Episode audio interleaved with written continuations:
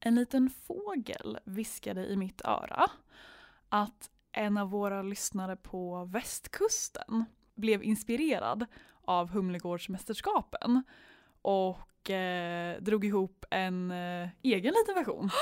Vad skojar du? Kul! Så att de har liksom en egen liten pricktävling? Ja, precis. Eh, så ja, det var jättekul att, att få höra. Wow! Bra jobbat! Vi är så stolta över dig. You're doing great. Hur många var de? Det vet jag inte, men Ja. det, det var liksom en, en kompisgrupp eh, som drog ihop det. Så eh, vem du är där ute, berätta vem som vinner och ge oss receptet. Verkligen ja. Ja, så kul. Vi kommer dela upp på våra sociala medier. Alla, alla utspridda humlemästerskap runt om i världen kommer kopplas direkt till vår Instagram. Japp. Jag, jag, jag tror att de kommer kalla det Humlemästerskap. Oh ja, det här är a franchise name now. And så fort man har en egen, fort. exakt. Så fort man har en egen liten pricktävling så är det Humlegårdsmästerskapen. Ölmästerskap. Mm. Det är det viktigaste. Ja. Ja. Gud vad roligt. Ehm, vi hade ju final ah, på våran. Mm. Vet ni vem som vann? Inte jag. Tyvärr inte. Nej, det, eh, det kommer skickas ut i detta nu när vi står Oh. och spelar in det här. Vinnaren blev, Nej vänta, börja från trean och uppåt. okej, Ja. eh, på tredje plats. Någon vi nämnde förra avsnittet. Urban. Urban Nilsson! Alltså, då, då vet man ju att det ändå funkar det här med sista minuten-bryggningen. Verkligen. precis. Titta. Ja, Åh. så roligt. Fortsätt prokrastinera där ute. Mhm. Mhm. Det lönar sig. Mm. Eh, och eh, på en andra plats kom ju en, eh, jag skulle säga van vinnare. Klas. Lollo. Jonas Lollo. Det är Ari Vallius som Ja, vann sommarölträffen. Oh my god, Arri. Wow. Ja, Mm. så han kom tvåa. Ja, det är grattis. Bra jobbat. Makes sense. Ehm, och eh, på första plats, Mm. det var ett lag. Therese och Lovisa. Therese Post Sjöberg och Lovisa Koivunen. Grattis! Som Lovisa var ju faktiskt förra årets vinnare Åh, också, så det här är andra grym. året rad hon vinner. Amen, alltså. Mm. Du vet, det, det är min lilla syster, det går, i, det går Mm. igenom nu. Vet du. Här, sen hur det gick för mig vill jag inte nämna.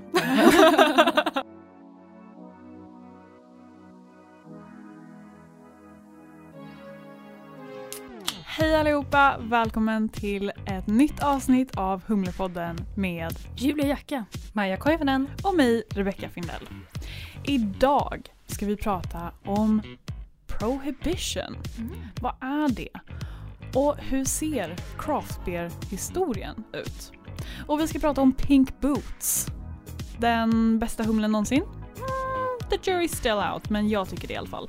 Och vi har fått den alldeles underbara äran att prata med Terry Ferendorf som grundade Pink Boots Society. Ja, det här vill du absolut inte missa.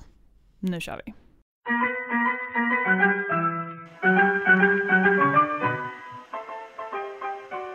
Prohibition is not a matter of abstract morals, it is a matter of social welfare. Ja, så lät ett av många resonemang bakom det amerikanska konstitutionstillägget som förbjöd produktion, import och försäljning av alkohol. Året är 1917 och den amerikanska senaten föreslår the 18th amendment, det 18 tillägget till konstitutionen. Amerikanerna har haft problem med alkoholism och alkoholrelaterade olyckor sedan kolonialtiden och nu gör de ett tappert nationellt försök till att stävja alkoholkonsumtionen.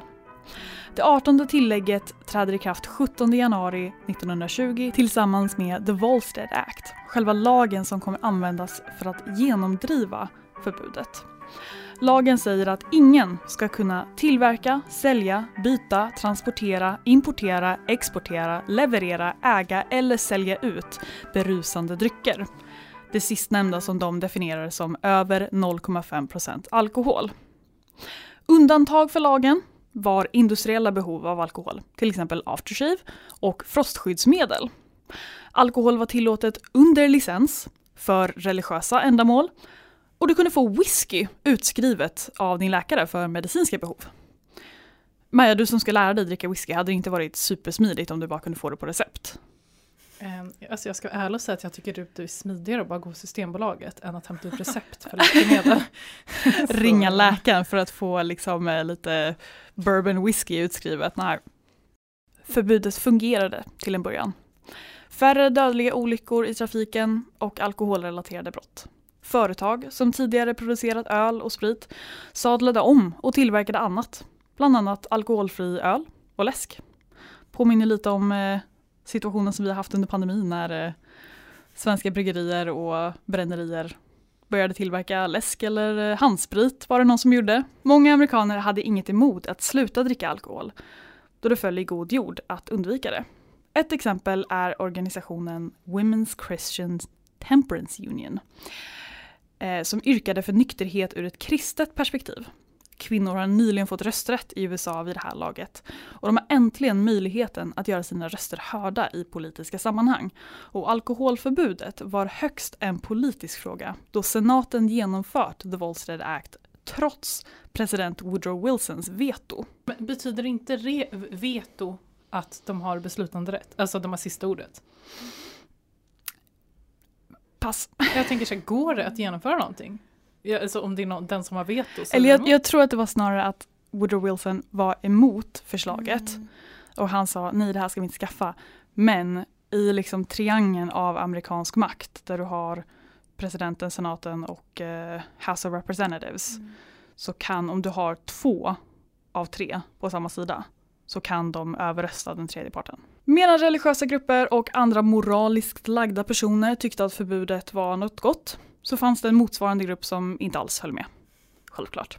Lagar finns till och skapas för att upprätthålla moral. Men du kan inte lagstadga moral. Det måste komma inifrån. Det förvånar nog ingen att öl, vin och sprit fortsattes att konsumeras trots förbudet och det blev ganska snart tydligt att genomföra en lag och upprätthålla en lag är två helt olika saker. Staten tilldelade uppdraget till de enskilda staterna, men det tycktes inte riktigt heller om. New Jerseys guvernör sa “This state will remain as wet as the Atlantic Ocean”. Wet är då en metafor för dem som var positivt inställda till alkohol, medan nykteristerna kallades dry.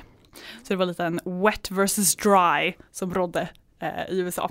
Staten upprättade då The Prohibition Agency, vars jobb skulle vara att leta rätt på de hemlighetsfulla spritmakarna och se till så att de straffades. För spritmakare i hemlighet fanns det sannerligen. Kan ni tänka er ur ett liksom, affärsmässigt perspektiv. Det finns en efterfrågan på marknaden. Men ingen förser folket med produkten med liksom, efterfrågan. Eh, staten kan lika gärna tjäna pengar genom skatter och licensiering när det kommer till alkohol. Men istället så tjänar de små potatis till böter. Eh, och liksom det finns, eller det fanns solklart pengar att tjäna här. Eh, och de affärsmän som upptäckte det kallades bootleggers. Ordet bootleg betyder att smuggla. Eh, från början så var det värdesaker i stövlarna som man bootleggade. Eh, men för amerikaner så blev det väldigt snart en direkt synonym med att smuggla, sälja eller tillverka alkohol. Och dessa bootleggers hade gott om kunder, både privatpersoner och så kallade speakeasies, hemliga barer och pubbar. Och hela det här tycker jag är en, ett jättebra exempel på citatet “Life finds a way”. Att trots alla de här lagarna så bara mm, “We're gonna do it anyway, we'll find our own way”. Två välkända bootleggers var Roy Olmsted och George Remus. Olmsted var en del av Seattles poliskår när han upptäckte hur många av sina kollegor som blev mutade av spritmakare och smugglare och insåg att hm, det finns pengar att hämta här. Så han skolade om och bytte smeknamn eh, från The Baby Lieutenant, som han hade i poliskåren, till The Good Bootlegger. Ja, det är ett mycket bättre smeknamn. Alltså ärligt talat, The Baby Lieutenant. Ja, men han, han hade så litet babyface och om man eh, kollar bilder på Roy Olmsted så ser han ganska mycket ut som eh, eh, Churchill. Nej, han som är i The Kingsman. Olmsted tog in alkoholhaltiga drycker från Kanada, där det fortfarande var lagligt. Som kom med båt till Seattle, där smuggelgodset maskerades som fisk, frukt och grönt eller godsaker i hamnens böcker.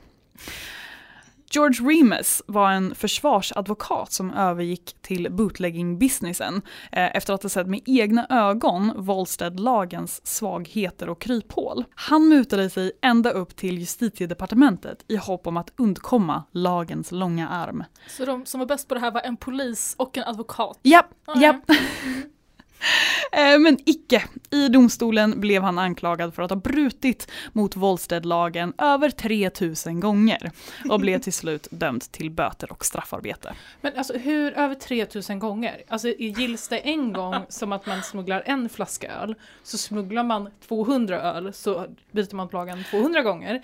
För jag tänker, eller har han bara bryggt öl 3000 Alltså så här, Nej, men, eh, eh, jag En tror att de resonerar så här att om du eh, bränner sprit, eh, säljer sprit, transporterar sprit och dricker sprit, då har du brutit mot Volstead-lagen fyra gånger. Mm. Okej, Och det här var- gjort väldigt många typ enskilda affärer. Precis, och det här var en verksamhet som han höll på med i flera, flera år och på flera liksom ställen. Så att det är inte bara han specifikt som har gjort det, utan det, det var även conspiracy to break the law. Alltså att det är som han har uppmuntrat andra till att också bryta mot lagen. En hel jävla business. De här två gubbarna fick straffet som väntade dem tack vare min nya favorit girlboss. Mabel Walker Willebrand. Den andra kvinnan att någonsin få uppdraget Assistant Attorney General på det amerikanska justitiedepartementet. Och 1921 den högst uppsatta kvinnan i amerikansk politik och regering. Hon fick uppdraget som ingen annan riktigt ville ha. Att göra någonting med alla de här kriminella som har brutit mot Volstead-lagen. Kruxet var att många av hennes kollegor på justitiedepartementet var korrupta och var en del av det här underjordiska spritsamhället. Eller jag vet inte ens om man kan kalla det underjordiskt när de liksom drack bootleggad whisky i Vita huset. Det är liksom inte speciellt underjordiskt vid det laget. Ingen ville riktigt ta tag i problemet eftersom de drog nytta av problemet. Men Willebrand brann för uppdraget. Hon var spritmakarnas värsta mardröm. Och under sitt mandat hanterades över 48 000 brottmål, av vilka 39 000 led till fällande dom. Däribland George Remus. Girl. Det är ändå ganska bra, alltså man tänker på hur många brott det är som inte utreds. Ja, wow, det är ju superbra. Och det här var liksom Ja, mindre än tio år vi snackar Ah. under en sån period. Och inte bara det, 1929 författade Willebrand en bok om sin tid på justitiedepartementet under förbudstiden. The Inside of Prohibition. Där hon bland annat fullkomligt sågar sina kollegor och andra statligt anställda och kritiserar folkets fullkomliga ovilja att följa lagen. Humlepoddens bokcirkel. Reading it. Eh, ja, den är ju som sagt på eh, gammel engelska och nästan 100 år gammal, men den, fin den finns på nätet gratis. Eh, och jag kan, jag kan på ett sätt förstå henne och hennes missnöje i det här. Alltså dubbelmoralen att statligt anställda konsumerar olaglig alkohol men har som jobb att stötta och upprätthålla den här Volstead-lagen. Jag tycker att det påminner lite om så här, den här läkare på 40 och 50-talet rökte och liksom skulle vädja om folks hälsa. Men bara, mm, ta en cigg. Det är inte ovanligt att eh, den här olagliga alkoholen späddes ut på den här tiden. Bootleggers var inte riktigt kloka hembrännare eh, och de ville få mer bang for their buck så att säga och spädde ut spriten med träsprit och isopropylalkohol. Och den som kan någonting om någonting eh, Är inte det typ kylmedel? Exakt. Den som kan någonting om någonting så eh, är det ganska uppenbart att det här är livsfarligt. Eh, och det ledde till nervskador, blindhet och död. Det känns ju som att det är ganska dåligt för affärerna att skada sina kunder så. Alltså men, så här- men du kunde sälja mer. Mm. Du hade mer volym ja, att men sälja. kunde du, ja, jo, men tänk hur många det var som blev avskräckta av att, ni vet. Hade det inte Ja. varit bättre att bara spä ut det med lite vatten? Liksom? Men alla, alla, kanske inte, alla kanske inte blev eh, så farligt skadade så Mm. Alltså, de jag var villiga att ta risken för de kunde inte få tag på det någon annanstans. Exakt, alltså om du har monopol på en marknad och du säljer speciellt då de som spär ut till mycket mer kunder. De här människorna är liksom ändå villiga att ta risken. They're already gambling a bit. Alltså, gamble, gamble! Antingen dö eller hamna i fängelse. Mm. Apropå hembränt så var det faktiskt under förbudstiden som hembryggning tog fart i Amerika. Stora amerikanska bryggerier som Pabst och Anheuser-Busch gick över till att sälja maltextrakt.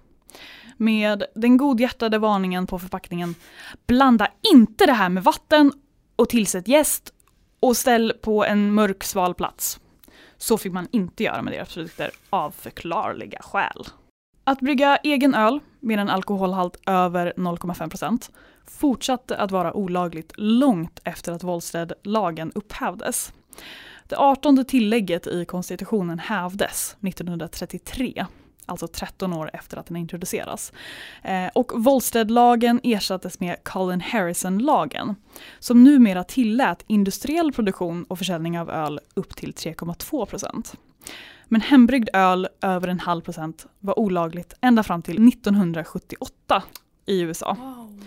Och med sådana strama lagar och bestämmelser så är det inte så konstigt att craft beer-kulturen idag är liksom så utbredd och färgstark som den är. För att de har, de har inte, det har varit- förbjudet att, och nu är de frisläppta.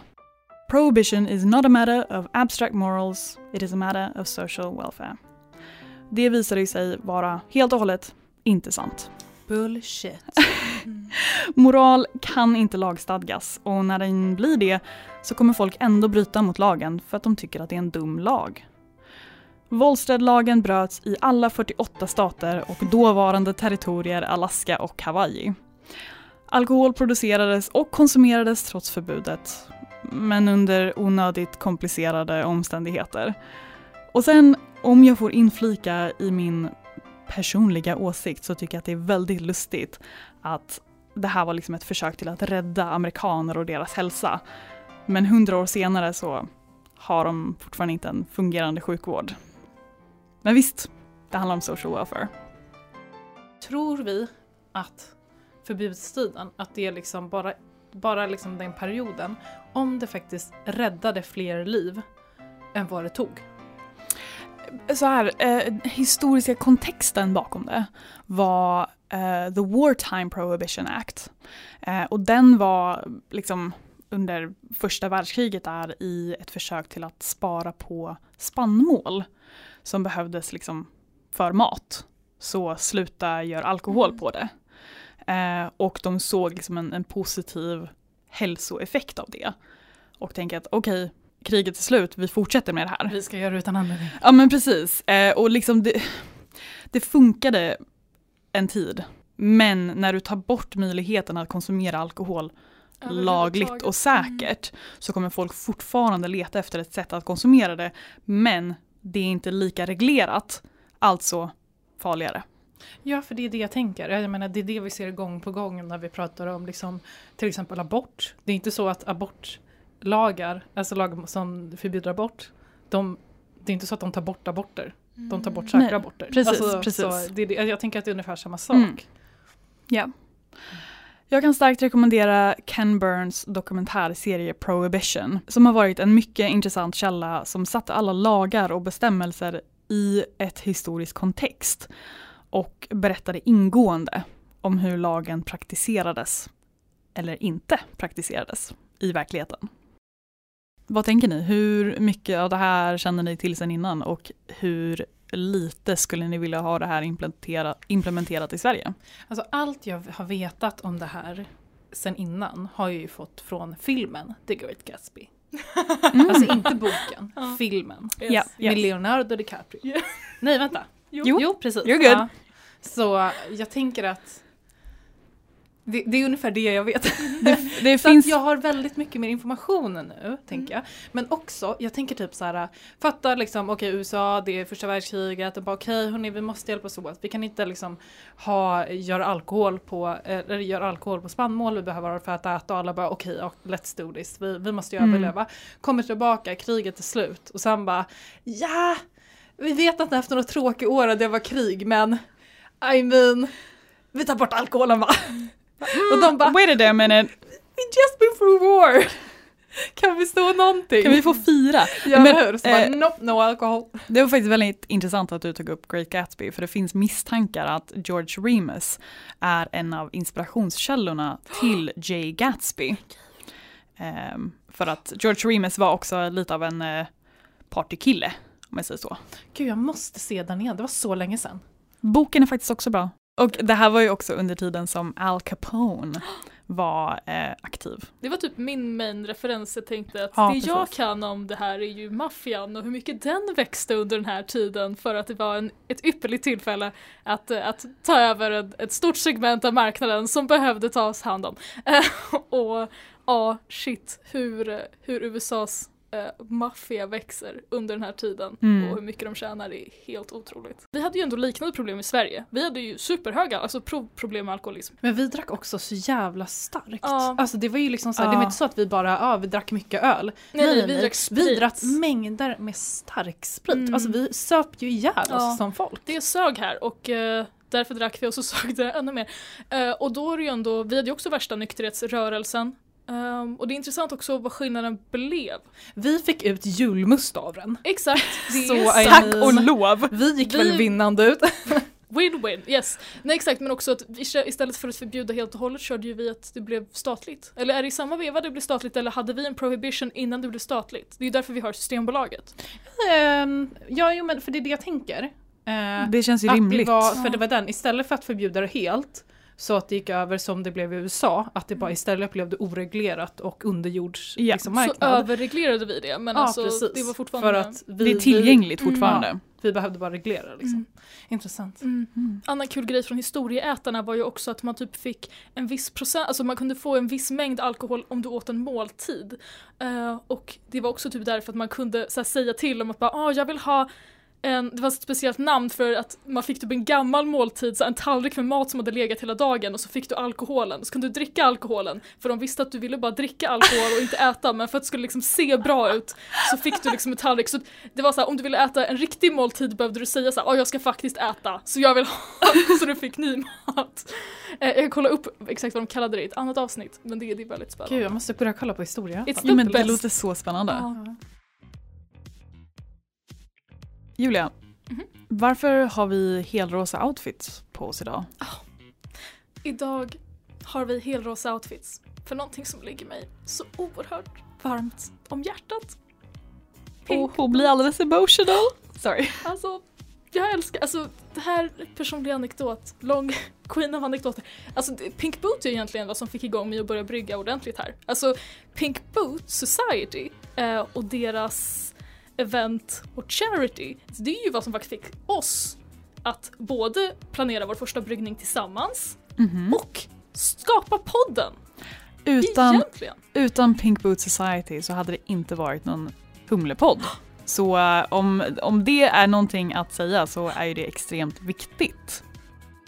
Pink Boot Society är en organisation som stöttar kvinnor och icke-binära inom alla branscher och yrken kopplade till fermenterade drycker.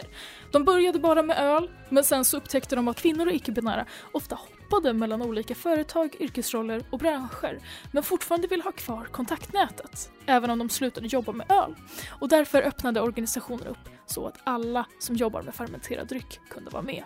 Organisationen består alltså av allt från kvinnor och icke-binära som äger företagen, jobbar med att packa varor, designa etiketter, servera dryckerna, skriva om branschen och mycket, mycket mer. Så vad du än jobbar med, så länge du jobbar på något sätt med fermenterad dryck, är du välkommen in i Pink Boot Society. En av de saker organisationen värderar högst är kunskap och se till att man lätt ska kunna dela kunskap till alla medlemmar. En grej de gör är till exempel att hålla seminarier där medlemmar berättar om sina erfarenheter, yrken och expertiser. Det erbjuder även ett stipendium för de som vill jobba inom någon av dessa branscher. Stipendiet är öppet för alla medlemmar att söka. Mm. Det låter ju lite som att det påminner om Algaris och deras jobb. Det här med eh, ja, kvinnor och icke-binära i, i branschen och jag tänker på Ölgaris branschlista Mm. och det här med nät, eh, networking. Exakt, för det är ju egentligen det som började hela grejen. I början, när det här börjar, på, det här, är bara, det här startades bara i början av 2000-talet. Det är 2008 Pink Boot Society börjar. Så att What? Terry började brygga redan på slutet av 80-talet. Och det är därför jag bara, ah, det här har varit med så länge. Men hon, hon jobbar bara inom industrin och är ensam kvinna så jävla länge på de flesta Mm. platser. Och sen på runt 2005 åker hon på en roadtrip. Som är det som börjar nätverkandet i USA. Oh. För alltså, jag vet inte, det är någonting som har fått mig att tro att ja, men, Pink Boot Society, det, är liksom, det går tillbaka det alltid eoner. Ja men precis, det var ju liksom alewives Mm. som eh, networkade med varandra och hade Mm. sin lilla ölgarris branschlista och visste att ja, men de kunde gå till eh, tant Agda nere på gården för att ja, men det, hon bryggde också. Mm. Men, eh, men att det är liksom ett så nytt påfund det Mm. här med att Men det blev väl liksom, jag menar sådana här saker kommer ju upp när, på något sätt som lösningar på problem. Mm. Och jag menar, det har ju inte varit i historien som vi lärde oss eh, för många år Mm. sedan. Har det inte varit ett problem för kvinnor inom bryggbranschen att nätverka. Mm. nej. Det har ju liksom speciellt kommit upp på andra halvan av 1900-talet Mm. egentligen. För helt plötsligt så blev kvinnor utputtade Mm. ur branschen och när man försöker tvinga sig in igen då blir man ensam. Mm. Precis. de sakerna som sprider Pink Boots budskap mest varje år och som också är deras största fundraiser är The Pink Boot International Brew Day som är runt 8 mars på internationella kvinnodagen, men du kan brygga andra dagar än det. Eh, men de flesta brygger på internationella kvinnodagen. Och då får man brygga med en speciell humleblend som Pink Boot Society tar fram. Tillsammans med Yakima Chief. Precis. Tillsammans med Yakima Chief tar Pink Boot Society fram en helt ny humleblend varje år som är den som används till den här fundraisen. Och alla pengar som kommer in i den här fundraisen går till Pink Boot Societys stipendium som då ges ut till de medlemmar som ansöker och då vill få utbildning inom branschen. Så om du är ett bryggeri och är med på det här så kommer man ge en viss del av vinsten till Pink Boot Society. Men jag tänkte vi kan väl snabbt, eh, Yakima Chief, Yes. kanske inte alla vet vad det Ja. är. Det, Yakima Chief är ju en av världens största humleleverantörer. Eh, och de... Med inriktning på eh, Amerikansk. no- nordamerikansk humle. Precis. Om man vill ha humle. Om man vill ha high quality Nej, men om humle. du vill ha fruktig amerikansk humle, då är det ju ofta Yakima Chief som vi snackar om. Ja. Eh, och det är ju allt från liksom Citra Mosaik, Amarillo, Simcoe, de här, liksom, de här vanliga. Men sen så har vi de här lite mer, eh, ja, men kanske inte obskyra, men mindre kända kanske som Sabro, Mm. eh, Talus, eh, Crystal, de har även lite experimentella sorter. HBC 630, HBC 684.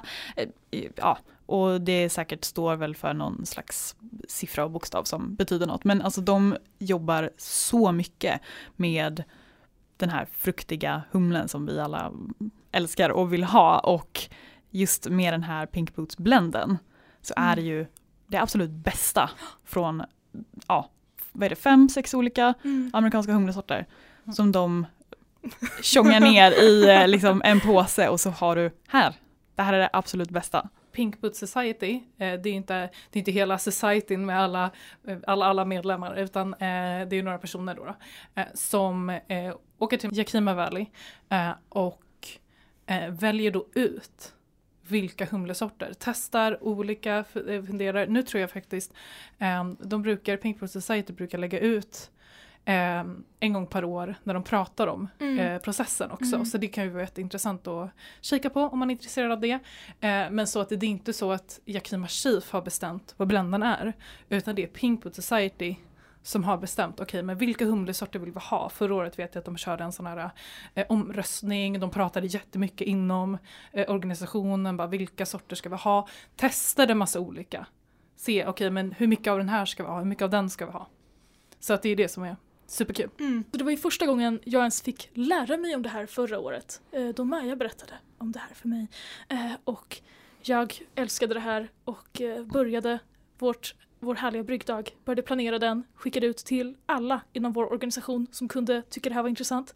Och ja, fick fick lära mig så mycket. Och när man inte har hört talas om Pink Boot Society då är det kanske svårt att märka det, men ni, nu när ni har hört talas om det här, ni som inte har hört om det här innan, gå på systemet i april, maj, så kan man kolla på Systembolaget på den tillfälliga hyllan och upptäcka att det är väldigt rosa där. Uh, och alltså det är verkligen fantastisk öl som kommer ut. Jag köpte upp mig på massa Pink Boot öl förra året. Och alla bryggerier hade varit så duktiga och tagit fram så god öl. Så, ja, oh, april, maj. Vi kommer, kommer kanske göra en liten provning på årets Ja! När, man, när det är girl power-veckor på Systembolaget. Man måste gå och köpa eh, bootprint. Mm. Som eh, är Hopnotch, Hopnotch eh, bryggning. Fermenterarna gjorde en fantastisk öl förra året. Mm.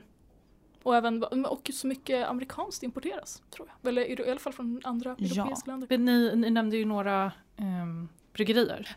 Um, och jag menar, det, det, är ju många bryggerier som eh, går ut med, och inte bara i Sverige, hela världen liksom. Um, men jag tänker att de senaste åren har ju i alla fall eh, Sankt Eriks, eh, Höganäs, Hopnotch som du nämnde, eh, Vallhöll brygghus, Brygghus 19, Fermenterarna, Snausarve. Så att det, det finns ju, det, det, var bara ett urval liksom, så att det finns ju många bryggerier som släpper eh, öl med eh, pinkboot-humle. Och då brukar de ofta kanske liksom använda sig av det eh, i namnet mm. på något sätt. Till exempel som Hopnotch som kallar den bootprint. Så att verkligen, vi måste verkligen köra en liten eh, kanske en online testing mm -hmm. av alla saker. Oh, ja! Mm. ja och intressant då, för det, det, är väl eh, värt att nämna att dels så eh, får de ju, när de köper den här humlen, då går ju en viss del av de pengarna till Pink Boot Society. Mm. Så att det är så de här bryggerierna är med att liksom och eh, skänker pengar helt enkelt. Men det finns, jag menar bryggerierna gör ofta andra saker också mm. med dem. Kanske, ja, de kanske skänker bort en del av sin vinst eller så gör de andra insatser, till exempel bjuder in kvinnor att brygga ölen. Och ja, så vidare. Maja du har väl varit med och bryggt en bootprint? Ja, det var jag. Nu förra året eh, eh, kunde vi inte vara, vara på plats men förra, förra året var jag med. Och det var ju superkul för då, jag menar, det är ju ett jätteroligt eh, sätt att liksom träffa andra i branschen. Mm, verkligen. För jag träffar ju kanske mycket eh, bryggare och kanske folk som står i bryggerier. Men jag menar då träffade jag ju liksom folk som står i barer. Folk som jobbar, ja men också kanske på bryggerier men kanske inte i Stockholmsområdet. Så att det, det var verkligen jättekul att kunna nätverka lite och träffa folk. Alltså, vi har ju velat prata med någon från Pink Boot väldigt länge. Eller det har jag i alla fall alltid haft en ambition om att göra. Så att när jag började göra lite research på vilka det kunde vara intressant att prata med så hittar man ju väldigt snabbt vem det är som har grundat Pink Boot Society. Och alltså jag skickade henne ett mejl bara på kul för jag tänkte alltså det är ingen chans i världen att hon kommer svara på det här och vilja vara med i en liten svensk podd. Men alltså inom 24 timmar hade vi ett litet svar och vi hade bokat en tid för en intervju och en fredagkväll klockan 18 ringde jag till henne i USA. det var nio för henne, sex för mig och vi pratade i två timmar om det här. Alltså, det är... alltså just det, för jag tänkte typ på det, jag tänkte såhär gud det var ganska sent att liksom lägga den intervjun. Mm. Men jag fattar nu att just det, det den är inte 18, ja precis, den är inte 18 på kvällen i USA. Det var nio på morgonen. Alltså. Ja, nio på morgonen för henne. Och det var det som passade bäst. Och alltså det var alltså fantastisk människa, så himla intressant och så cool. Jag älskar att prata med henne. Två timmar material finns. Vi kommer bara dela med oss av en, en kort bit av den. Men finns det ett intresse för att höra hela den här två timmar konversationen kan vi fixa en editerad version där ni får större delen av den här intervjun. Men det får vi höras, se om det finns en efterfrågan.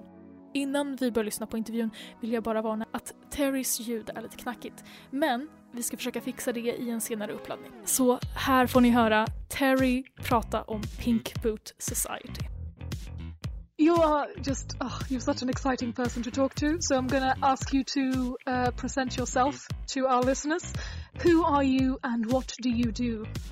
Well, I love the list that you sent me, and I love that I get to be creative. So I will say that I'm a game changer Ooh, because, and my name is Terry Ferendorf, and um, I have been a professional in the beer industry, uh, brewer for the most part, since 1988. Mm-hmm. And uh, and uh, we can certainly talk about changing that game. But I have definitely, in my career and in my extra career activities, have changed the game. I believe. Oh yes, we're gonna get to that. Amazing. How did you start? How did you begin to brew? Just what brought you into the the activity from the beginning? Well, um, as a kid, um, I seemed to have a childhood fascination with yeast a little bit, so I started off making homemade bread, and nobody in my family did that. And then we made soda. Uh, in the U.S., there's a soda people like to drink called root beer, but we made some with yeast, so it was very dry and it didn't really taste like the sweet uh, soda that people are used to. Then in uh, university, I started making homemade wine. Mm-hmm. Uh, but when I graduated from university and moved to the San Francisco area, there's so much very, very good wine there from the famous Napa Valley and other valleys there that I switched to making homemade beer. Mm-hmm. And um, I really liked beer because of the history and tradition that are involved with it. And the more you learn about the history and tradition of beer, the more you see that women have been involved since the beginning. That we were the original brewers. Women were, mothers specifically were the mm-hmm. original brewers, which is so cool. And I love the fact that it's both science and art, because I definitely consider myself an artist. I can't go all the way on the science side. I could probably go all the way on the art side, but I really love the blend of the two. Yeah. How did you begin your career? When did you choose to start working with beer? I was homebrewing for about three years, and then I and I was not a happy computer programmer sitting in a cubicle. Mm. so I decided I needed something else. And I thought, well, there's this brewing school that I learned about, and I thought, I'm going to go to brewing school for three months. I'm going to see if I can get a, a career in it. And if not, I can fall back and still be a computer programmer if I needed to. Mm. So I did. I attended the Siebel Institute in Chicago in uh, 1988 and um, I was the first class president there, which was kind of fun. And I was definitely the activities organizer because all of my classmates were coming from large breweries and had never heard of what we then called microbreweries and had never had a, a, a beer. You know, it's funny, we had a, a pre, um, like the night before classes started, we had a little social get together and all the people in my class were going around saying, what brand do you brew? What brand do you brew? And I said, I don't brew brands. I said, I brew styles. They said, what's that? of course, now everybody knows yeah. that beer has different styles. But back then, it had one style. It was pale, yellow, and fizzy. At least that's the way it was in the United States. So after that, I got a job at a place called Golden Gate Brewing Company that went out of business two months later uh, I was injured there and had a recovery, but uh, I won't go into that. But it definitely made me double down and commit to beer as a career because I was like, wow, this is a dangerous job. Do I really want to be a brewer? And the answer was yes. I haven't achieved what I set out to do yet. So from there, I went to Triple Rock, also in Berkeley, California, for about a year and a quarter. Then I went to Steelhead Brewing Company in a university town in Oregon called Steelhead Brewing Company, and I worked there for 17 years, and I built five locations for them, one in Oregon and then four more in California. And from there, I went on a road trip, which we'll talk about later, but that's on that road trip was where I started Pink Boot Society. When I got back from the road trip, I decided to work in retail for a little bit. So I worked at what we call a bottle shop, which is a, a store that sells about 2,500 different beers in bottles and cans. Mm. And I learned a lot about what customers are looking for when they're looking for beers. It was mm. really pretty cool. I was a beer detective and a beer matchmaker there. That was pretty cool. Mm. Then I went to work for Great Western Malting Company, first in sales and then in research and development. Mm-mm. And as you're interviewing me, that's where I am now. But my life is going to change uh, about the time that this that you probably should published this interview, so we can talk about that later too. Amazing. Why did you start Pink Boot Society at this time? I was on a road trip in between brewing jobs, mm. and I, you know, I there have been a few women in the beer industry that I would meet over the years. Some would come, some would go, some were still there.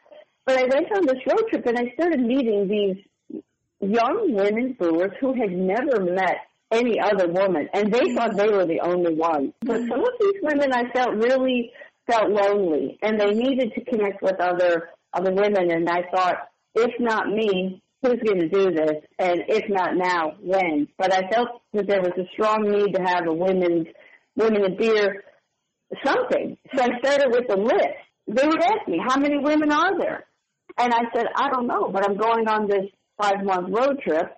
Let me let me start start a list. Mm-hmm. So I started writing down the names of every woman I could find or hear about, and then um, and then after I got back from my road trip, my husband and I moved to a town two hours away, which is Portland, Oregon, where I live right now. Mm-hmm. I started, I was working on the list and I started building a website just with the names on it and things like this. And I realized that the, the U.S. Craft Brewers Conference was going to be in San Diego where the first woman that I had met on this trip, her name is Laura Ulrich and she's been a president of Pink Boots Society for five years. She's been super involved mm. almost from the very beginning. And so it was going to be in the town where she lives, and I called her and I said, Laura, the, the Craft Brewers Conference is going to be in San Diego. Should we try to get the women on the list mm-hmm. together? She said, yes, that'd be great. So we organized, she organized with the help of another girl there named Jessica Gilman, um, a, our first meeting, and it was a luncheon, and they had pink tablecloths and pink flowers on the table. And I could talk about later about why I named it Pink Boots Society but um, but and we invited the women on the list to come, and 16 women brewers came, and we asked them to bring their beer. And then we invited women beer writers and journalists, mm. and six of those came. So we had 22 women in the room, and there were a lot of men journalists and beer writers who wanted to attend because they knew that it was also historic. We had never had a meeting of just women in the beer industry. And we said, no, no, send a woman. We said, we don't know what it feels like to have only estrogen in the room and we need to find out what that feels like. So, so we had all the women in the room and oh, everybody was so excited to meet each other and we're tasting each other's beers and it was phenomenal. And we're having our lunch on our tables with pink tablecloths and pink flowers on them and, uh, and we had a podium and a gavel and a microphone. So I thought, well, I'm going to get up and say something. Mm-hmm. Knock, knock, knock on the gavel. And I said, hi, ladies. Welcome, I'm Terry Fairdoff. I'm the one who contacted you and started this list. I said, we're going to do some voting today. I said, first of all, do you want to be a list or an organization? And there was some discussion. We passed around the microphone and we voted and they decided to be an organization. And I said, I don't know what that means. I said, but I might need help. and then I said, second question, who are we? Mm. And they said, well, Terry, look around. We're women brewers. I said, look again. There are six women beer writers in this room, and they have also asked to join. I said, so who are we? Um, I have heard from women that work in brewery labs, women that are packaging managers at mm. breweries. You know, who are we? So there was a lot of discussion about who we should be. And at the time we chose to be, stand for three things. Women, beer professionals. Now you got to define those. At the time, in 2007 or 2008 at this point, I went on that road trip in 2007. That was when Pink was born. Mm. We had this meeting in 2008. It was simple in those days to define women because we didn't know that there was uh, broader uh, versions of that definition, which we now embrace. Mm. But at the time, it was women, and then beer was beer, and then professional, we decided if you earn some kind of income from beer on a continuing basis, you can't just pay once to work at a beer festival. It has to be like you're bringing in some money every month or every quarter, something. Now those definitions have changed.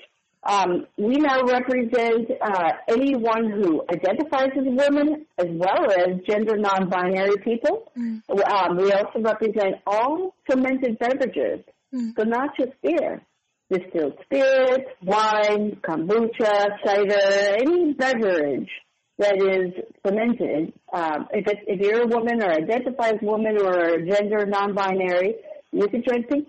And then for the professional path, we have defined that as anyone who's on that previous list who earns 25% or more of her income from fermented beverages. I did not want to charge dues until we built value into Boots Society. So for nine years, we did not charge dues.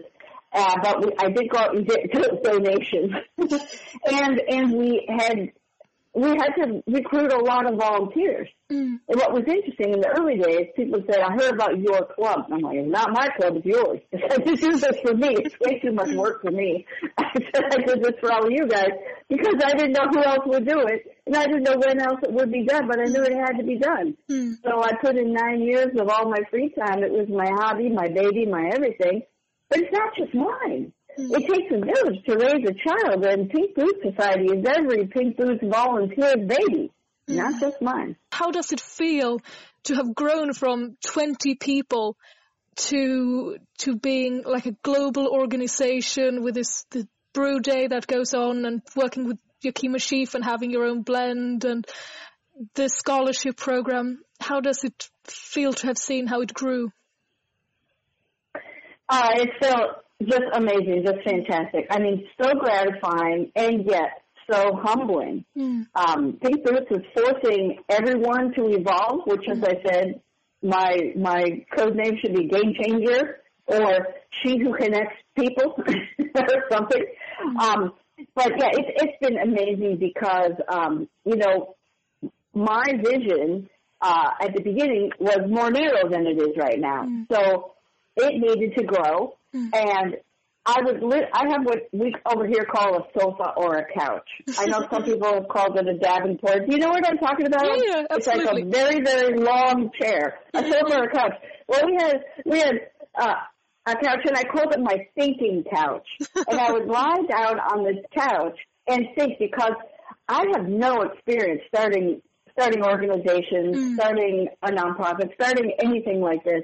Mm. And I'm like, well, I'm studying this thing, this thing called Pink Boots Society, and right now I'm like in charge. And and what could it be? Where could we go with it? So I had to just think of things, and I thought, I thought to myself, okay, so they want, they voted to be an organization. What does it mean to be an organization? And I thought, I mean, we could just throw a party once a year. Here we go, there's a big party for women, and all the women come to the party, and all the beer is brewed by women, or whatever. And I thought, we could even invite other people who aren't women. Mm. And I thought, well, how long is that going to last? Mm. You know, and what purpose does it serve? And and I thought, okay, it's a party, organize a party, but I thought that's not enough. Mm. I thought we, meaning we, Pink Boots, Pink Boots needs to be bigger than any of us individually, mm. and and it needs to be something that people um, can get behind and feel that it's important and they can get behind and push. I can't be the only one pushing up the hill. And so I thought, um, okay, it needs to have a purpose. I said, what is, what's the thing about women in the beer industry? Well, there's not very many of them. Well, what if part of Pink Boots' uh, purpose was to get more women interested in Pink Boots as a career? And, okay, so they're interested. Now what? How do we help them? How do we um, empower them. You know, the, the initial uh, buzz keywords that I chose for Pink Boots were inspire, encourage, and empower. Mm. So how do we inspire them to get into the beer industry? How do we um, encourage them in their careers so they don't get discouraged? Because these women I was meeting were fairly discouraged. Mm. And, and they've all told me they would have left the beer industry by now without Pink Boots Society in it. Mm. And uh, how do we empower them to break through glass ceilings? Mm. And I thought, you know, we could point fingers and blame somebody, maybe men, maybe not, who knows. Mm-hmm. But I thought that's that's not very positive, and that's mm-hmm. not empowering on a global, big picture scale. Mm-hmm. So I thought, okay, if we're going to talk about glass ceilings, I'm not going to talk about gender-based glass ceilings because I don't want to. Mm-hmm. I thought I don't think that's positive enough, so I'm going to talk about glass ceilings that are education-based because I thought if we could help women in the beer industry gain the education that they need to get to the next step. Who could deny them? You can't deny them. And if you do, you're you're an idiot and a sexist and who knows, all sorts of other bad words. How did you come up with the name Pink Boot Society? okay, so I'm planning for this road trip. I had given notice at my job. Uh, you know, this is one of those things when you grow out of a job, but you're not sure what you want to do yet. And I had put my heart and soul into that particular brewing job, mm-hmm. and I wasn't ready to fall in love with another job.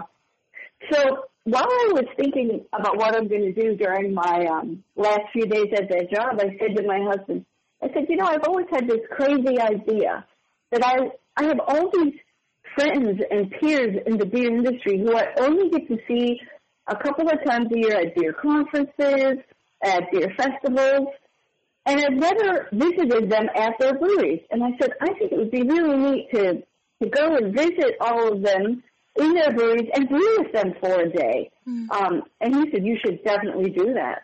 So that's what I did. I bought a little camper van, and I had a um, a van, a Chevrolet van, and then this camper trailer uh, got hooked up behind it and and I started, and we didn't have like GPS on your phone. We didn't have smartphones. We had those little phones you flip open like on Star Trek, and you call people. You call people and you ask them for directions, and you write the directions down. And while you're driving, you're reading the directions. I mean, it sounds like the dark ages, but this is 16 years ago. Yeah. So you call people ahead and say, okay, this is where I'm at. How do I get there? Well, you take this highway and then you take this exit and then you turn left. I don't know what the name of the street is and you go down till you see the McDonald's and then you take a right on that street. I don't know the name of the street, but you go take a right there and then you go blah, blah, blah, right? So, um, so I went on this road trip and I visited, I, I wrote, what's interesting, before I left, I was telling people that I'm going on this road trip and, and um, there's something called the Brewers Association Forum. And uh, I got on the forum and I said, hey, I'm going on this road trip, and if you want me to visit you, drop me an email and I will try to connect the dots. So I, I saw a lot of, of the breweries that were around. Now, at that time, 2007, there was probably 1,000 breweries in the entire United States. Mm-hmm. Since then, we've gone to nearly, nearly 10 times as many. Certainly nine times as many. We're at about 9,000 now. It's insane. Um, and there were stretches where I didn't even have breweries to visit. Now there's breweries everywhere, but there were stretches where I had a hard time even finding a brewery to visit. Mm. And so people were inviting me, why don't you come visit? Why don't you come visit? And I thought to myself, you know, most of these breweries have never met a woman brewer because there's hardly any. Mm. There really were, like I knew of maybe three. You know, there's hardly any. And I thought to myself, I'm going to walk in. Now, I had built uh, five breweries at that point, so I worked with construction guys. And about a month before one of the breweries I was working on was set to open, I would go in to start brewing. I would I would receive the equipment, get it installed, and start brewing because I needed to fill all of the fermenters and the serving tanks, what we call serving tanks, that are, are bright beer tanks that act like giant kegs that just serve directly to the bar. Mm. And so um, I needed to fill all those vessels because what we were seeing back in those days is that the consumers were so excited about a new brewery because there weren't very many of them mm. that they would stand in line on opening day until you unlocked the door. They would come in, and the first three days, so many people would come through that all your tanks would be empty. so, so you had to have all of them full. Mm. And ready to go because the serving tanks would go dry in the first day, and then you had to fill them. Well, they'd go dry in two days, and the first two days I just would give tours of the brewery. I'd just go around to all the tables, say, "Hi, would you like a tour? How would you like a tour? Let me know when when you're done uh, with your meal, and I'll give you guys a tour." And then at that point, the serving tanks were empty, and I would have to start refilling them from the fermenters. But I had to have all all of the tanks full. So I walk onto the construction site, and of course the construction guys will go, "Hello, little lady, are you lost?" And I put on my my big girl voice, and I said, "Hi, I'm your brewmaster, and I'm going to be working with you guys for the next three months." Oh, okay. So I knew how to do that. Mm. But I also knew that when I walked into these breweries, they'd say, Hi, little lady, are you lost? This is a brewery. Because they'd never seen a woman brewer mm. before. Mm. And I would start talking beer lingo, beer mm. buzzwords. And I'd say, Yes, hi, I'm a brewmaster and I'm here to brew with you for the day. And, uh, you know, what kind do you mash in? And, uh, you know, what kind of beer are you making? A lager or uh, an ale? What style of beer? And, and where do you get your malt? And where do you get your hops? And where do you get your yeast? What kind of yeast do you use? Or whatever. Once you start using words like that, mm. people forget your agenda. Mm-hmm. At least that's what I seem to find. And if people are like, oh, she's one of us, and so then they just talk to you about beer and they don't care that you're a woman. Mm. But when I was going on the trip, I felt very deeply that I was representing my gender. Mm. And I had felt that way throughout my career.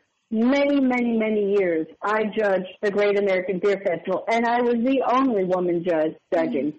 And there was so much testosterone going on that I felt like I had to not only represent my gender, I had to balance the testosterone. Mm-hmm. So for the first, gosh, 10 years or something that I judged the Great American Beer Festival, I wore a dress to judging every day. Now, I don't wear dresses every day. I wear jeans. Hmm. but I wear a dress every day to judging for about the first 10 years because I was the only woman hmm. judging beer. And I just felt like I needed to balance all my testosterone. So I went in full on dress, you know, with, with stockings and everything. Good for you. So, um, so, so I'm going on this, this, this road trip in 2007 and I'm like, I'm going to walk in the door, we're going to talk beer lingo and they're going to forget I'm a woman, yet hmm. I'm representing. How am I going to balance all this testosterone across the United States in all these breweries that I am going to visit? I'm going to have to wear safety equipment, which means we have this word called ubiquitous, which I love. It just means it's it's universal. Mm. And so we have this universal piece or ubiquitous piece of safety equipment called rubber boots. And I'll need to wear those when I go in and visit people. And I thought, you know what? If I had a pair of pink rubber boots, I could be representing in style. Hmm. Now, I had only worn black rubber boots my entire brewing career, and that means 19 years total at this point that I've been brewing. Hmm. So I mentioned it to my husband. I wish I had a pair of pink rubber boots, but I've never seen any, you know, or whatever. But he told his mom, my mother-in-law, hmm. and she went and found some pink rubber rain boots, and she sent them to me. And so, as a late birthday present. And so here I am getting ready to go on this trip, and I open this box, and it's pink. And I'm like, oh my gosh, this is so cool. So I go onto the brewer's forum and I say, hey, I got a pair of pink rubber boots I'll be wearing on this trip. And by the way, I need landing points in South Dakota. I'm looking for breweries to, to visit, etc. So I left on the trip and I brought both my black pair and the new pink pair, the shiny new bubblegum pink pair of pink rubber rain boots, not steel toe, nothing like that, just pink rubber rain boots.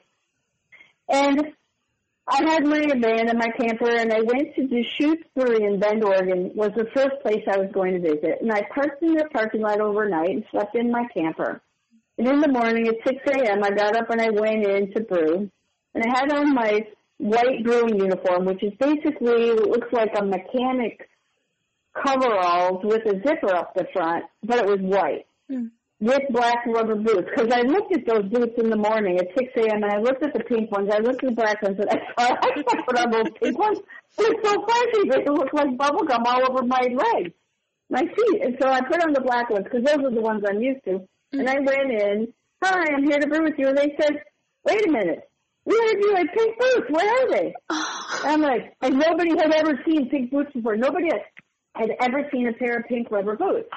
And I'm like, um, we're in my camper? And they said, go and put them on. I'm like, oh, okay. People want to see these boots because they'd never seen any pair of pink rubber boots. It was like an oddity.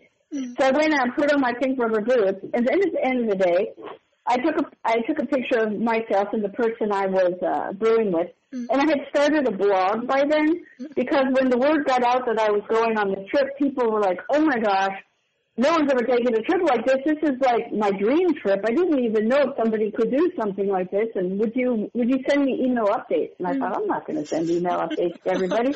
I'll start a blog. I don't know how to, but I'll look it up. I'll mm. figure it out. So I started a blog, and I posted this pi- uh, this picture of myself and the brewer I was working with, and I said, "Get the boots in." Everybody wants to see these boots, apparently. So the boots went in, and I'm on this trip, and I'm going here and there, and I get to San Diego only like a few days later, and I'm brewing with Laura uh, that down in San Diego. But I also brewed at a place that was at Stone. I also brewed at a place down in San Diego called um, um, the Lost Abbey. Uh, um, P- what is it? Anyway, uh, Lost Abbey Brewing Company. And Tommy Arthur was not there that day, but I was working with um, the people that were there, and a photo. One of their customers walks through the door, and I'm and we're bottling uh, in my pink boots. And he says, "Oh my gosh, you're the pink boots lady." Because I just somehow was googling something and I found your blog last night. I'm going to follow you on your trip, and here you are today. This is so phenomenal. And I'm like, wow, I'm the pink boots lady. Och det var så Pink Boot Society senare fick sitt namn. Och det finns alltså väldigt mycket mer att lyssna på. Och vi försökte editera ner frågorna så att vi kunde få lite av varje fråga. Men vi kom helt enkelt fram till att det var roligare att höra henne svara väldigt detaljerat på de här tre frågorna. Men finns det ett intresse? Vill du höra mer? Eh, så är det bara att skriva in. Vi kommer att göra en sån här undersökning på sociala medier. Så kolla in där och rösta eller skriv in till oss och säg att du vill höra det här så fixar vi ett specialavsnitt med hela intervjun. Förra året, som kanske många av våra lyssnare vet, så bryggde vi två olika öl med förra årets Pink Boot Blend. Ehm, vi gjorde en amerikansk pale ale och en modern lager. Ehm, som vi li- livestreamade. Ja, nej, vi, storyade hela Som den vi- bryggningen. Eh, den finns på Humlegårdens Instagram Okej. om ni vill se härligt kul content. Det är mycket Browmeister versus Grainfather, det är typ 50% av materialet. Ah, the classic. Ehm, och ölen som blev av det här hade vi eh, att, till att njuta av internt. Eh, men då sa vi att eh, för varje flaska som man tar så får man skänka en slant ehm, till Pink Boots. Så då hade vi så att man fick, man fick swisha en summa till ett nummer och sen så skänkte vi alla de pengarna. Och självklart så blev det ju god öl, men jag menar det är bara en bonus när Ja, man ja. har med välgörenhet att göra. I år så har vi lite annat på gång med Pink Boots. Ja, ehm, för det blir ju tyvärr eh, inga eh, humle över åt oss privatpersoner och konsumenter. Det är bara, alla bryggerier bara ska brygga massa öl. Och det är jättekul för alla andra, för då får man ju dricka den goda ölen som de brygger. Ehm, men eh, så vi tänkte, men okej, men vad, vad kan vi göra? Och vi kan ju fortfarande eh, skänka pengar. Ja. Så vad vi gör är att vi har fixat ihop ett receptkit för 20 liter öl, vanligt standard receptkit som finns att köpa på humle.se. Och för varje köpt kit så skänker vi en slant till eh, Pink Boot Society. Japp. Så även om det kanske inte är Pink Boot Blend, tyvärr. Så är det, är det fortfarande en riktigt god öl. Ja, och eh, det är ju bara en vanlig jävla pale ale då. då. Ehm, men det är också en av, de, en av faktiskt mina favoriter eh, när det kommer till ölsorter. Eh, för jag är inte jättemycket för de här super eh, iporna utan en vanlig jävla pale, pale ale, det är liksom en apa. Det är apor vi vill ha. Och just för att vi vill att så många ska köpa det här receptkittet, för att, att så många ska liksom skänka pengar så har vi gjort ett, ett recept på en öl som väldigt många kan tycka om. Att det, är, det behöver inte vara en, en imp stout som eh, bara två personer gillar. Utan det ska vara liksom någonting som du kan bjuda på till allihopa. Och Mm. säga att det här är min hembryggda välgörenhetsöl. Den finns att eh, köpa nu, har funnits att köpa eh, sedan första mars. Och heter Think Pink Pale Ale. Ja, och den är ju eh, lättbryggd för alla. Det är en öl som väldigt många gillar, så det finns ingen anledning att eh, inte brygga den. I tanken. Den är nybörjarvänlig både för drickare och som för bryggare. Men tänk på, den finns bara att köpa under eh, mars månad. Så, länge lagret håller och Ja, börjar i mars. det här är ju extremt-. Extremt limited edition. Ja, så ni har eh, fram till eh, sista mars eller till så länge lagret räcker att köpa den. Och det här är ju yours truly. Det är ju vi Humlepoddare som har satt ihop det här receptkittet. Mm. Så om ni vill få en inblick i våra bryggarhjärnor, då är det ju det här receptet ni ska göra. För den som tänker rosa så ska man ju också ha rosa kapsyler. Ja, om man, om man lyckas göra ölen, receptkittet rosa, så vill vi gärna se det också. Oh ja. Oh, lite hallon. Rosa glitter. Mm. Vi eh, kör ju temat idag på amerikanska bryggerier och bryggerier drivna av kvinnor. Så därför har vi kollat upp lite bryggerier i USA Som ägs och drivs av kvinnor. Har det varit lätt att hitta de här kvinnodrivna amerikanska craftbryggerierna? Det är inte en stor procent av Tyvärr nej. Exakt. Det är också här, jag menar så här, när man sitter och scrollar på internet och försöker hitta de här bryggerierna som ägs eller drivs eller liksom på något sätt har med kvinnor att göra. Så um, vill man ju, är man ju så himla sugen på att köpa dem, men ölen. gud, ja. Mm. Och det är svårt att få tag på, måste jag vara ärlig och Mm. säga. Det är liksom så här, man får ju verkligen köra detective, bara överallt där man kan tänkas köpa öl. Alltså och importera öl. Ja, det är så mycket lokalt. Alltså det var, det var, jag kollade på många bryggerier, jag hittade någon artikel som hade samlat ihop några drivna kvinnor och de flesta är ju liksom det är små mikrobryggerier som kanske bara säljer i närområdet till och med så att de kommer ju inte ens exportera alls. Så roadtrip i USA at some point. Öl roadtrip. Öl roadtrip. Mhm. Vår egen lilla pink boot trip. Ja, men för jag har bara besökt USA. En gång i mitt liv. Jag besökte New York med min familj. Jag var, eh, det var 2012, så jag var 18 år gammal. Så, alltså, så jag kunde inte dricka öl där för att eh, jag var för ung. Eh, och egentligen, alltså jag menar när jag tänker tillbaka från när jag var 18 år, då var jag inte jätteölintresserad. Mm. Jag började inte bli ölintresserad förrän jag var 19.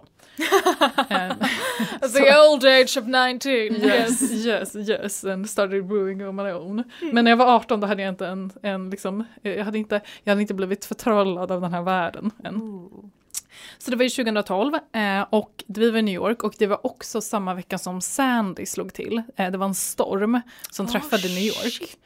Eh, så att det var ehm, bara en liten kort sideways, alltså det var, det var inte, det var roligt i tre dagar.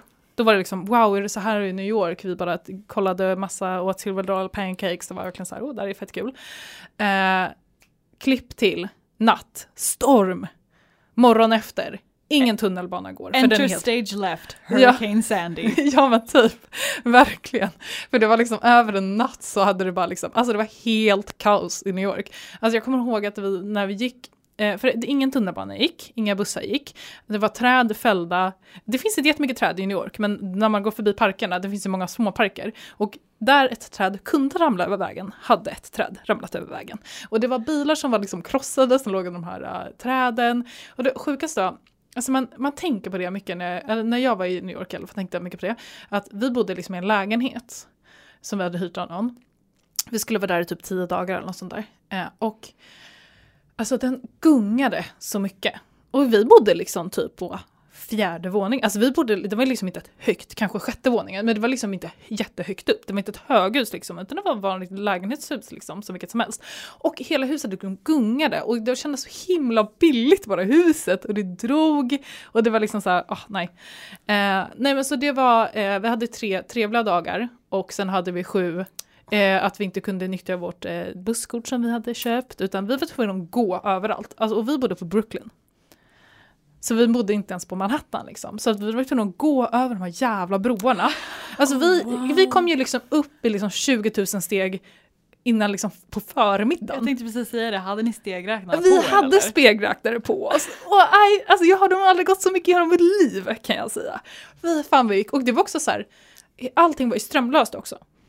Så det var eh, just där vi bodde hade vi, hade vi ström. Eh, jag tror att det bara försvann liksom några timmar. Men sen liksom överallt från oss och hela vägen upp, eh, hela eh, downtown eh, Brooklyn och eh, liksom hela Manhattan var ju liksom helt strömlöst. Vi var ju, vet du det, Center Park helt avstängt. Allting var helt kolsvart. Så att det var ju, jag kommer ihåg hur vi gick på eh, kvällen, det var he- jätte, jättemörkt och plötsligt så ser vi en jätte, jättelång kö som sträcker sig långt här. Alltså det var jättelång kö, vi bara vad är det här? Då visade det sig att det finns liksom en pizzeria på, liksom, i mitt, på Manhattan som har öppet för att de har en eh, ved, alltså ugn som inte går på el utan en liksom eldad ugn. Så att de är Oh den my God. enda som kan liksom ge ut. Så att de har en sån här grej att varje person får högst köpa en slice med pizza. Och det var så många som, alltså det var helt sinnessjukt. Ja, det var dramatiskt i alla fall. Men, så ni förstår, jag drack inte så mycket öl. Det var det jag ville komma till. Conclusion. Conclusion, eh, min resa till New York var inte jättelyckad och jag eh, drack inte så mycket öl. Men om jag någon gång åker till USA så känner jag bara att jag måste.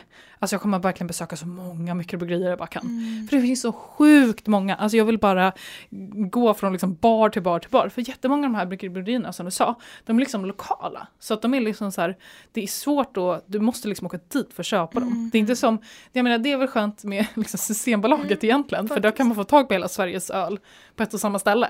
Men i USA måste man liksom åka dit Ja, det är nästan stat till stat om ens kanske stad. Alltså det är ju så jävla stort. Ja, precis. Ehm, så. så jag liksom, ah, satt på internet och römde lite, kom över ett bryggeri som verkligen är på toppen av önskelistan. Mhm. Bow and Arrow Brewing Company. Tell us more. Ja. Så eh, grundaren, Shaila Shepard, och liksom hela bryggeriet, så imponerande bryggeriet är. Den första native american kvinnoägda bryggeriet. Wow! Mm, eller hur? Eh, så Shaila Shepard eh, grundade då bryggeriet eh, och hon har ju liksom så här, jag, jag, vet, jag tyckte hon lät som en Wonder Woman, alltså verkligen typ så här, eh, kunde göra allting innan hon ens startade bryggeriet. Hon är uppvuxen i Fort Berthold Reservation i eh, North Dakota. För jag tyckte det var så himla fint, de hade ett citat på hemsidan som jag eh, känner att jag skulle kunna läsa upp. Hon säger Growing up I have fond memories of my, my grandma working in her garden, making our traditional foods and sharing stories of our people. This experience uh, ingrained in me an appreciation for the bounty of the land, its connection to the way of life, and to our history. In many ways, I see incorporating indigenous ingredients and sharing our connection to them as a way of reclaiming our agricultural histories and foodways. Så jag tycker hon verkar, eh, hon verkar supercool. Bryggeriet verkar supercoolt. Och inte nog med det, de har skapat ett initiativ som heter eh, Native Land Mhm. Initiative. Typ. Eh, och då, det de gör är att de har skapat en Native Land IPA, alltså ett recept och en etikett som bryggerier över hela USA, jag vet inte, kanske hela världen, kan ut- ansluta sig till. Eh, och vad bryggerierna som ansluter till måste göra är att först på etiketten ange vems land, alltså vilken stams mark ölen bryggs på. Eh, utöver det behöver de donera pengar då, eh, från vinsten till organisationer som arbetar på olika sätt för att stödja ursprungsbefolkningen. Eh, och i slutet av januari var det 47 bryggerier utspritt i 23 stater som hade anslutit till det här initiativet. Alltså det är så viktigt. Ja. Ja men det är så, och det är, jag är imponerad över att hon liksom har lyckats sprida det så mycket också, det här initiativet. För det är ändå liksom så här, här har hon ett recept och ni måste ange, eh, ni måste använda den här etiketten och ni måste använda det här receptet. Ni måste kalla den det här. Och ni måste skänka era, alltså liksom så här, det är en good cause men hon har ändå fått med sig ganska många på tåget liksom. Eh, och jag kollade lite snabbt på Untapped. Eh, för er som inte vet vad det är. Du betygsätter öl som du dricker i princip. Det är som sociala medier för öl. Eh, och du, du checkar in en öl och säger hur många kapsyler från 0 till 5 den är värd. Och så Precis. kan du tagga dina vänner och så istället för att klicka like så klickar du på skål. Så på Untapped då, eh, så verkar det ju som att den här receptet de har skapat, som heter då eh, Native Land, eh, ni som har Untapped kan ju eh, kolla upp då vilka bryggerier det är. Eh, men det verkar som att de har skapat ett ganska bra recept. För nästan alla hade över fyra kapsyler. Oj, det Och tydligen är det ganska bra. Ja. Ja, så att eh, liksom, och det är så här, åh, jag vill så gärna, varför säljer vi inte de här jävla ölen på Systembolaget? Men de liksom bryggs ju på väldigt liksom av lokala bryggerier och säljs liksom lokalt i liksom ganska, ganska liten skala, så det är ganska svårt i Sverige att få tag på den. Men om det är någon som har testat den, någon av de här ölen, så vill jag så gärna veta vad den smakade och hur, hur det var. Eh, men jag kan bara nämna några bryggerier som hittills har bryggt och släppt den. Eh, The Alchemist, Alchemist Outer Range Brewing Company, Arizona Wildness Brewing Company.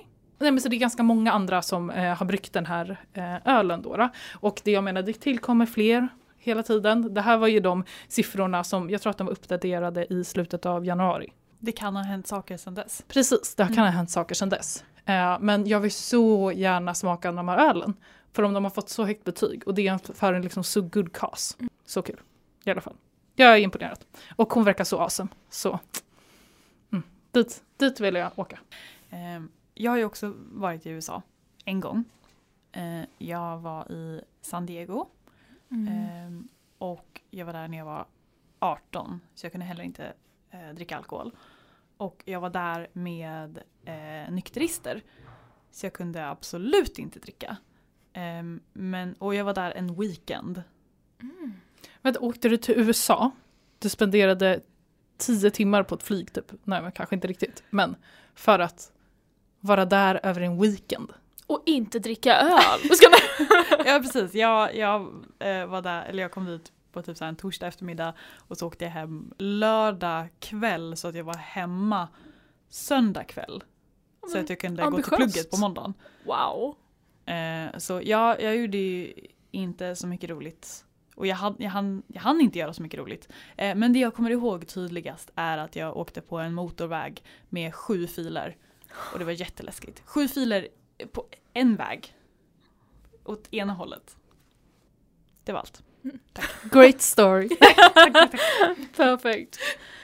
Ja, alltså jag har ju, jag har ju aldrig varit i USA. Eh, faktiskt häromdagen så sa, pratade jag med min pojkvän om det och han bara ja Julia, vi tar två månader nästa år. Så eh, Maja du är HR, jag kommer ta två månader semester nästa år. Vi ska åka på en roadtrip i USA. Och, och när vi gör det, alltså jag tror inte han förstår, efter, både efter intervjun med Terry och att jag ska åka och hälsa på henne, Um, så ska jag också bara, hela, hela vår resa kommer vara bryggeridriven. Uh, och det kommer vara helt fantastiskt. Och en av de ställena jag kommer åka till, det är den härliga staden Denver i Colorado. Oh. för i Aurora, Denver, så finns det ett bryggeri som heter Lady Justice Brewing Company som startades 2010.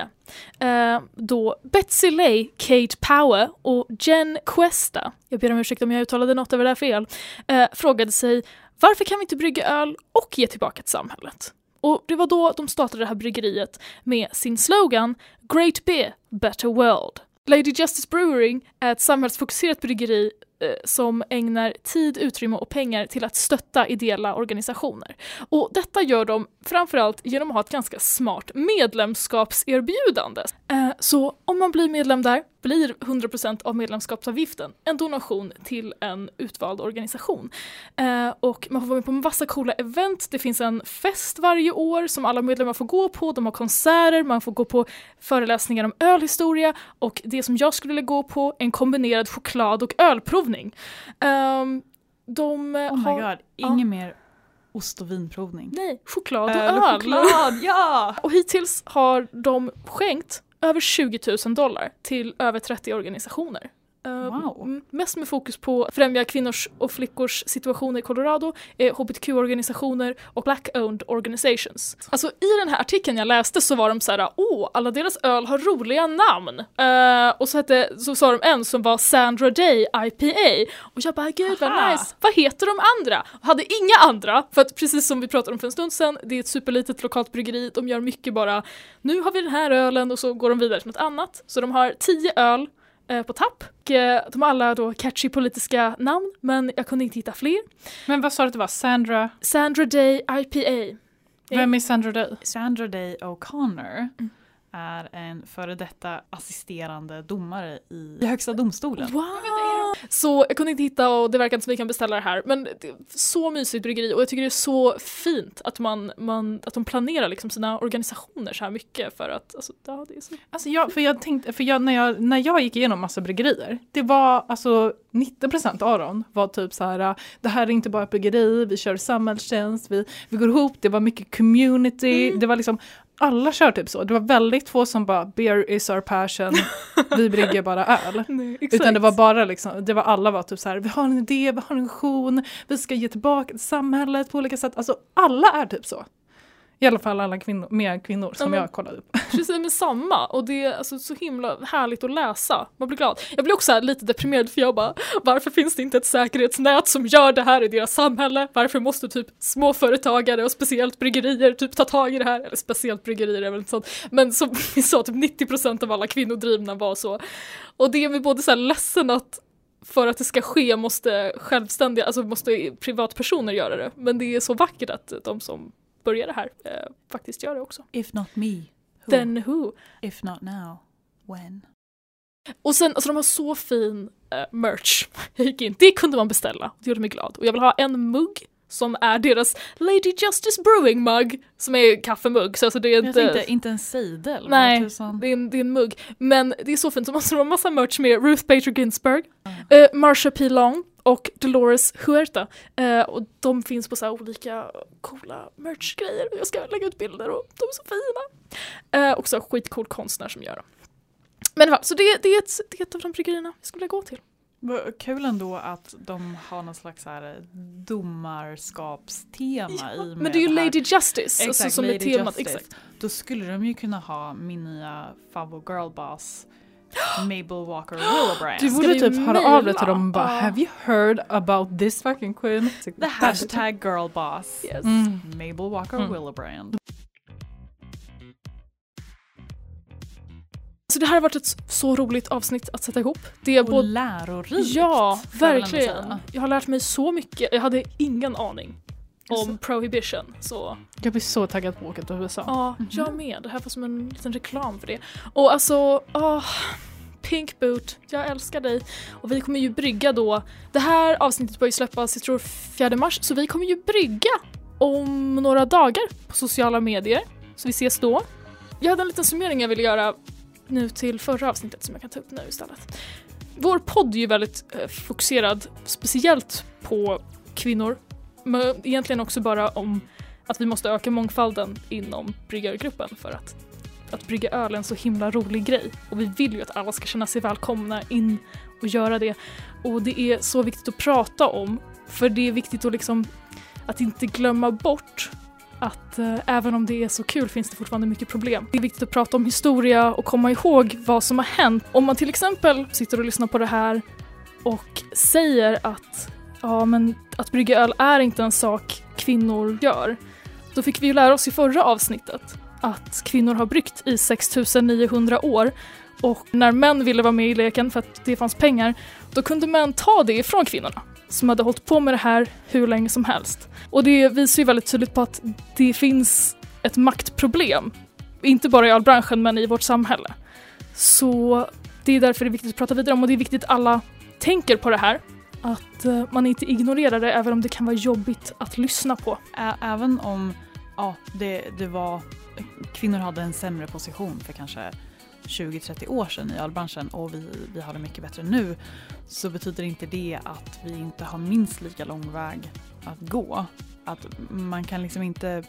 Jag tror att det är Bara lätt för att vi har nått en bit på vägen Mm. betyder inte att vi är klara. Exakt, jag tror att det är lätt att bli eh, eh, liksom lite, lite blind för det hela. Att inte se skogen för alla träd. För att vi har gjort så stora framsteg så betyder inte det att vi inte har minst lika många framsteg kvar att göra. Speciellt det kom ju fram nu förra året när metoo-rörelsen äntligen kom in i ölbranschen och vi tyvärr fick höra så himla många hemska berättelser både om sexism men också om rasism. Så att det är verkligen viktigt och vi tackar alla lyssnare och vi har verkligen så fina lyssnare som ofta ger jättefin feedback och verkligen ger bra respons. Eh, vi har fått höra massa fina både kommentarer men även av vänner och familj som lyssnar att man lär sig väldigt mycket och man får höra saker man inte tänker på. Så att jag vill tacka alla som lyssnar eh, men också att eh, vi kommer fortsätta prata om såna här spännande men kanske lite jobbiga saker. De här sakerna som är jobbiga att prata om kommer bara bli mindre jobbiga att prata om om vi pratar om det.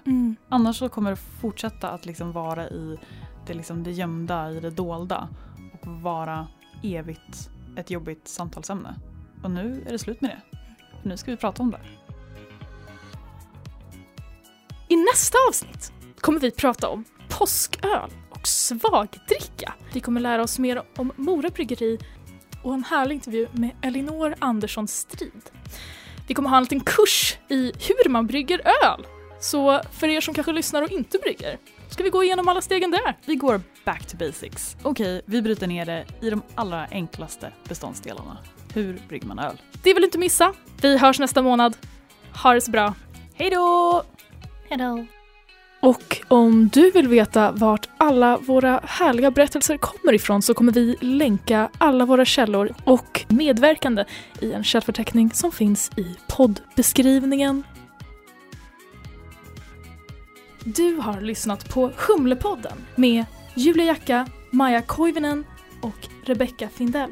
Du kan nå oss på podcast.humle.se och följa oss på Instagram där vi heter Humlepodden. Lyssna på ett nytt avsnitt första fredagen varje månad.